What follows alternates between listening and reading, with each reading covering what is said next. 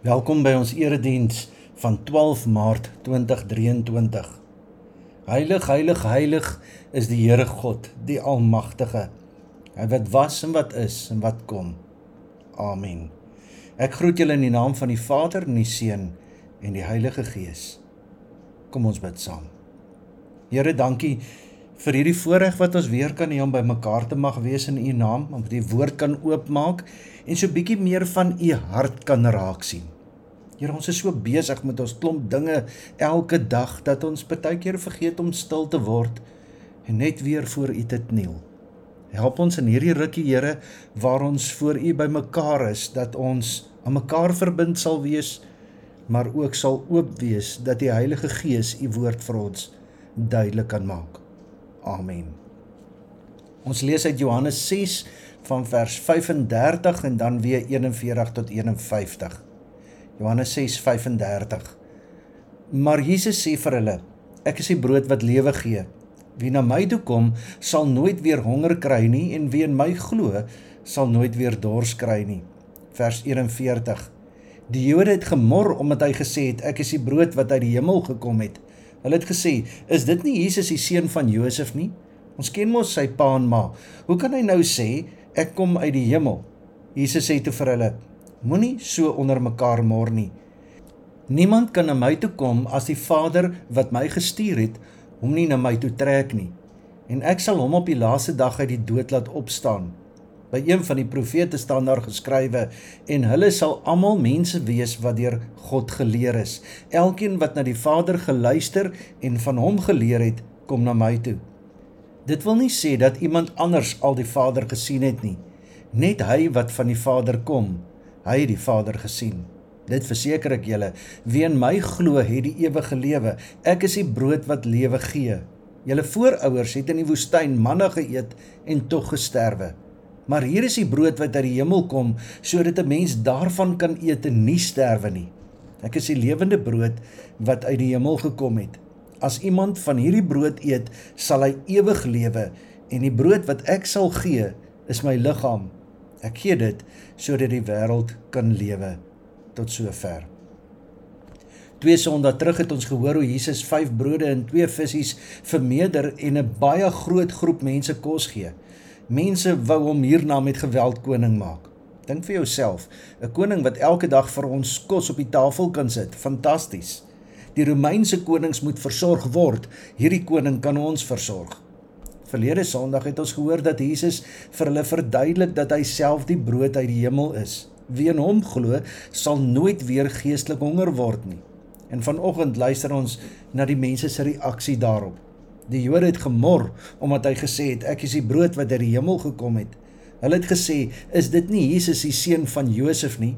Ons ken mos sy pa en ma. Hoe kan hy nou sê ek kom uit die hemel?" Die mens dink deur die eeue dat hulle al die antwoorde het. Ons weet altyd die beste, al verstaan ons absoluut niks nie. Ons kan ons eie emosies nie eers ordentlik bestuur nie, maar ons dink dat ons die lewe kan beheer. Dit is eintlik lagwekkend nie waar nie? Ek is die brood wat lewe gee. Wie na my toe kom, sal nooit weer honger kry nie en wie in my glo, sal nooit weer dors kry nie. Tot vandag toe verstaan die wêreld nie Jesus se woorde nie. Hoekom verstaan die wêreld nie Jesus se woorde nie? Want ons wil self. Ek sal self my lewe beplan. Ek sal self oor my lewe besluit. Ek is God vir my lewe totdat niks meer sin maak nie en wanneer ons lewenswiele afval, is dit juis volgens die wêreld die bewys dat daar nie 'n God is nie. Ek is die brood wat lewe gee.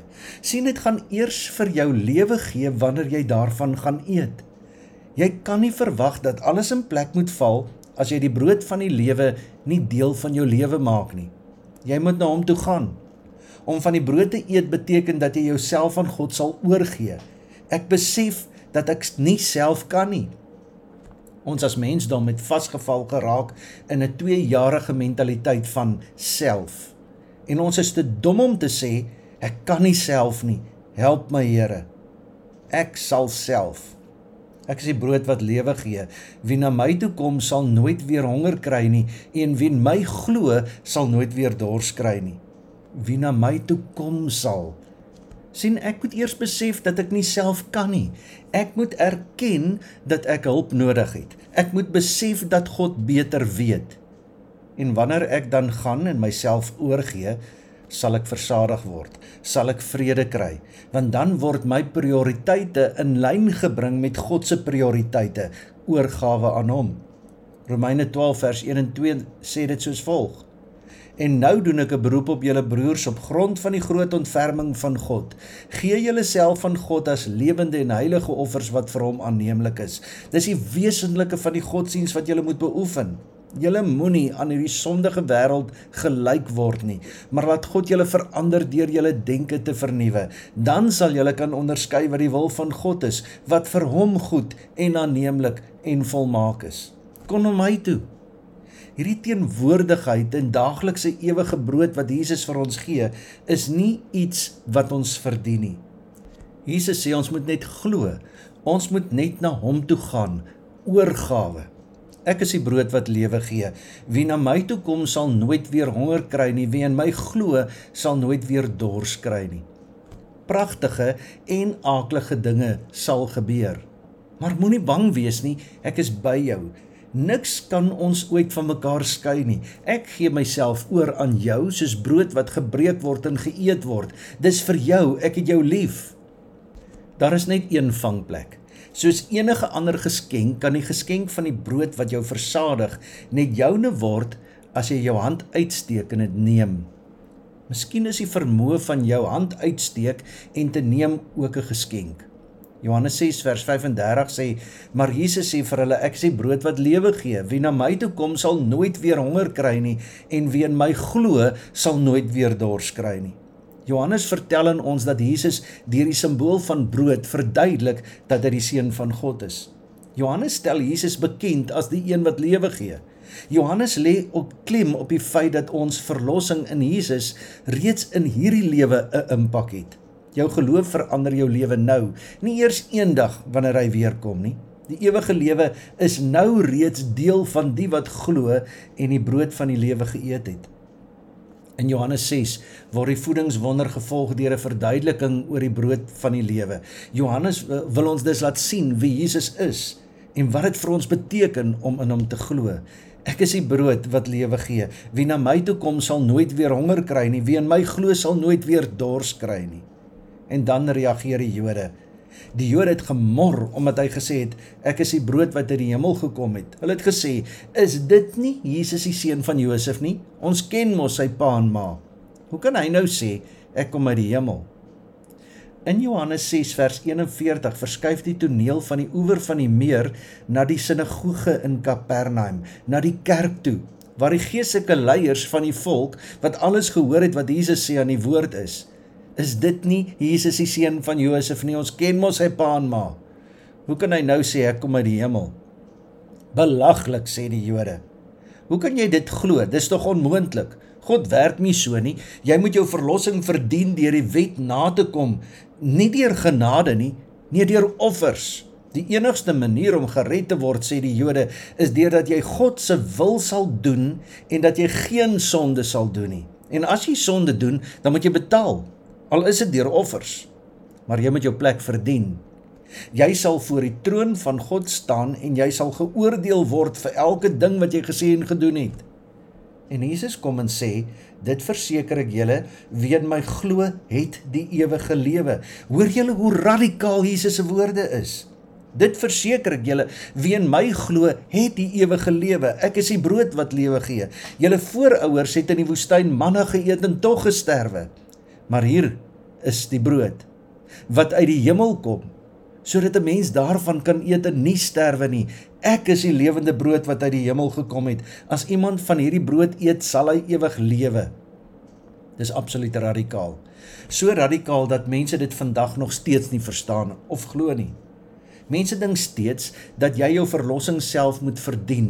Daarom verval daar soveel mense in 'n nuwe Joodse tradisie van wettisisme en die nakoming van die Ou Testamentiese gebruike en wette, so asof Jesus nie die nuwe bedeling gebring het nie.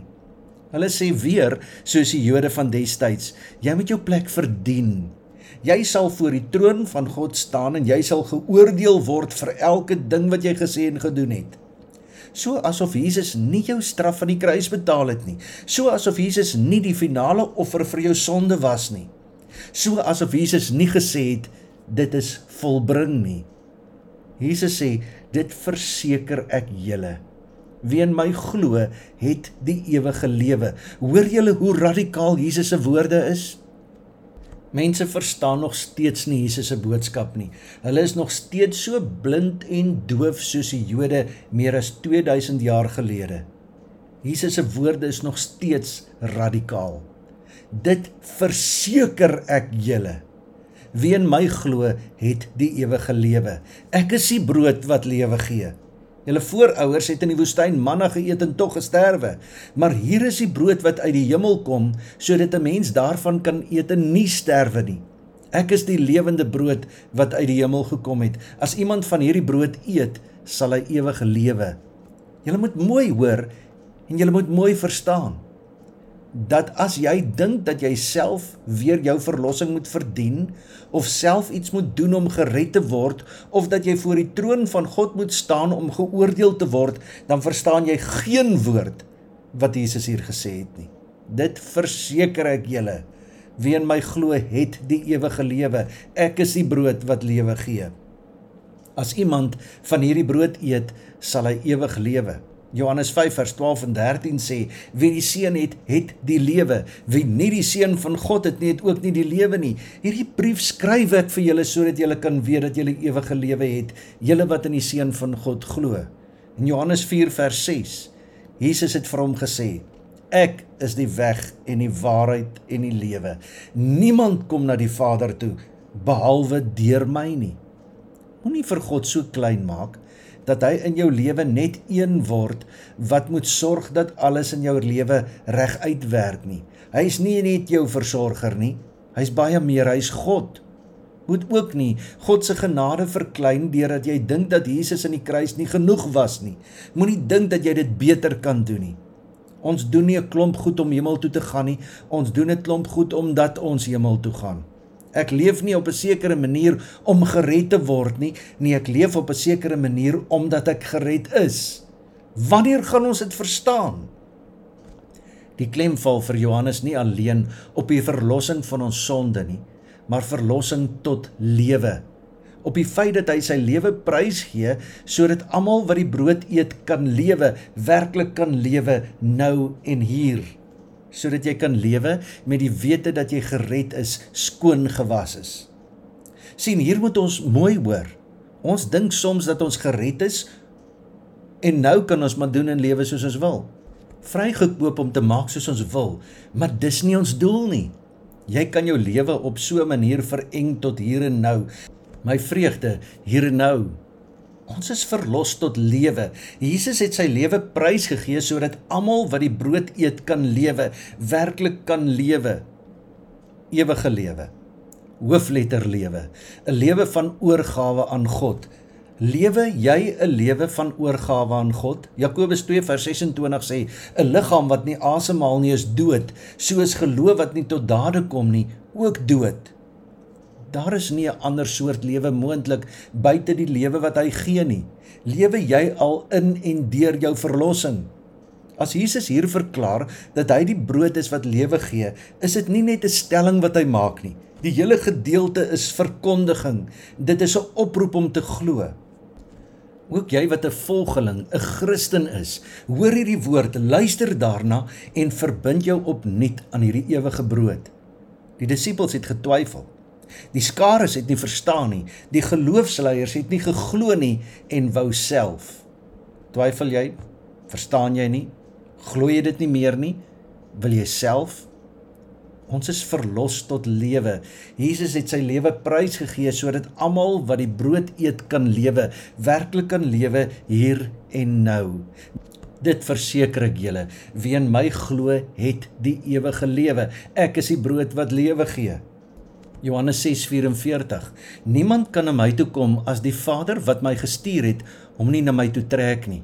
Johannes 6:47 Dit verseker ek julle wie in my glo het die ewige lewe. Ek is die brood wat lewe gee.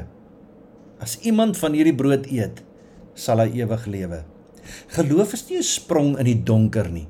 Geloof rus in die vaste sekerheid van die belofte van hom wat gesterf het, maar ook opgestaan het uit die dood. Hy is die brood wat aan ons die ware lewe gee. Nou, nie iewers in die toekoms nie, op hierdie dag en vir ewig. God roep jou om te sien en te glo, te hoor en te leer, te eet en te lewe. Wat beteken jou geloof prakties nou? Kom ons gaan nou saam nagmaal hou. Ons neem die brood. Wanneer ons die brood eet, dink ons daaraan dat Jesus vir ons aan die kruis gesterf het en glo ons dat hy al ons sondes weggevat het. Kom ons eet die brood. Kom ons neem die wyn. Wanneer ons die wyn drink, dink ons daaraan dat Jesus se bloed vir ons aan die kruis gevloei het en glo ons dat hy al ons sondes weggevat het. Kom ons drink die wyn.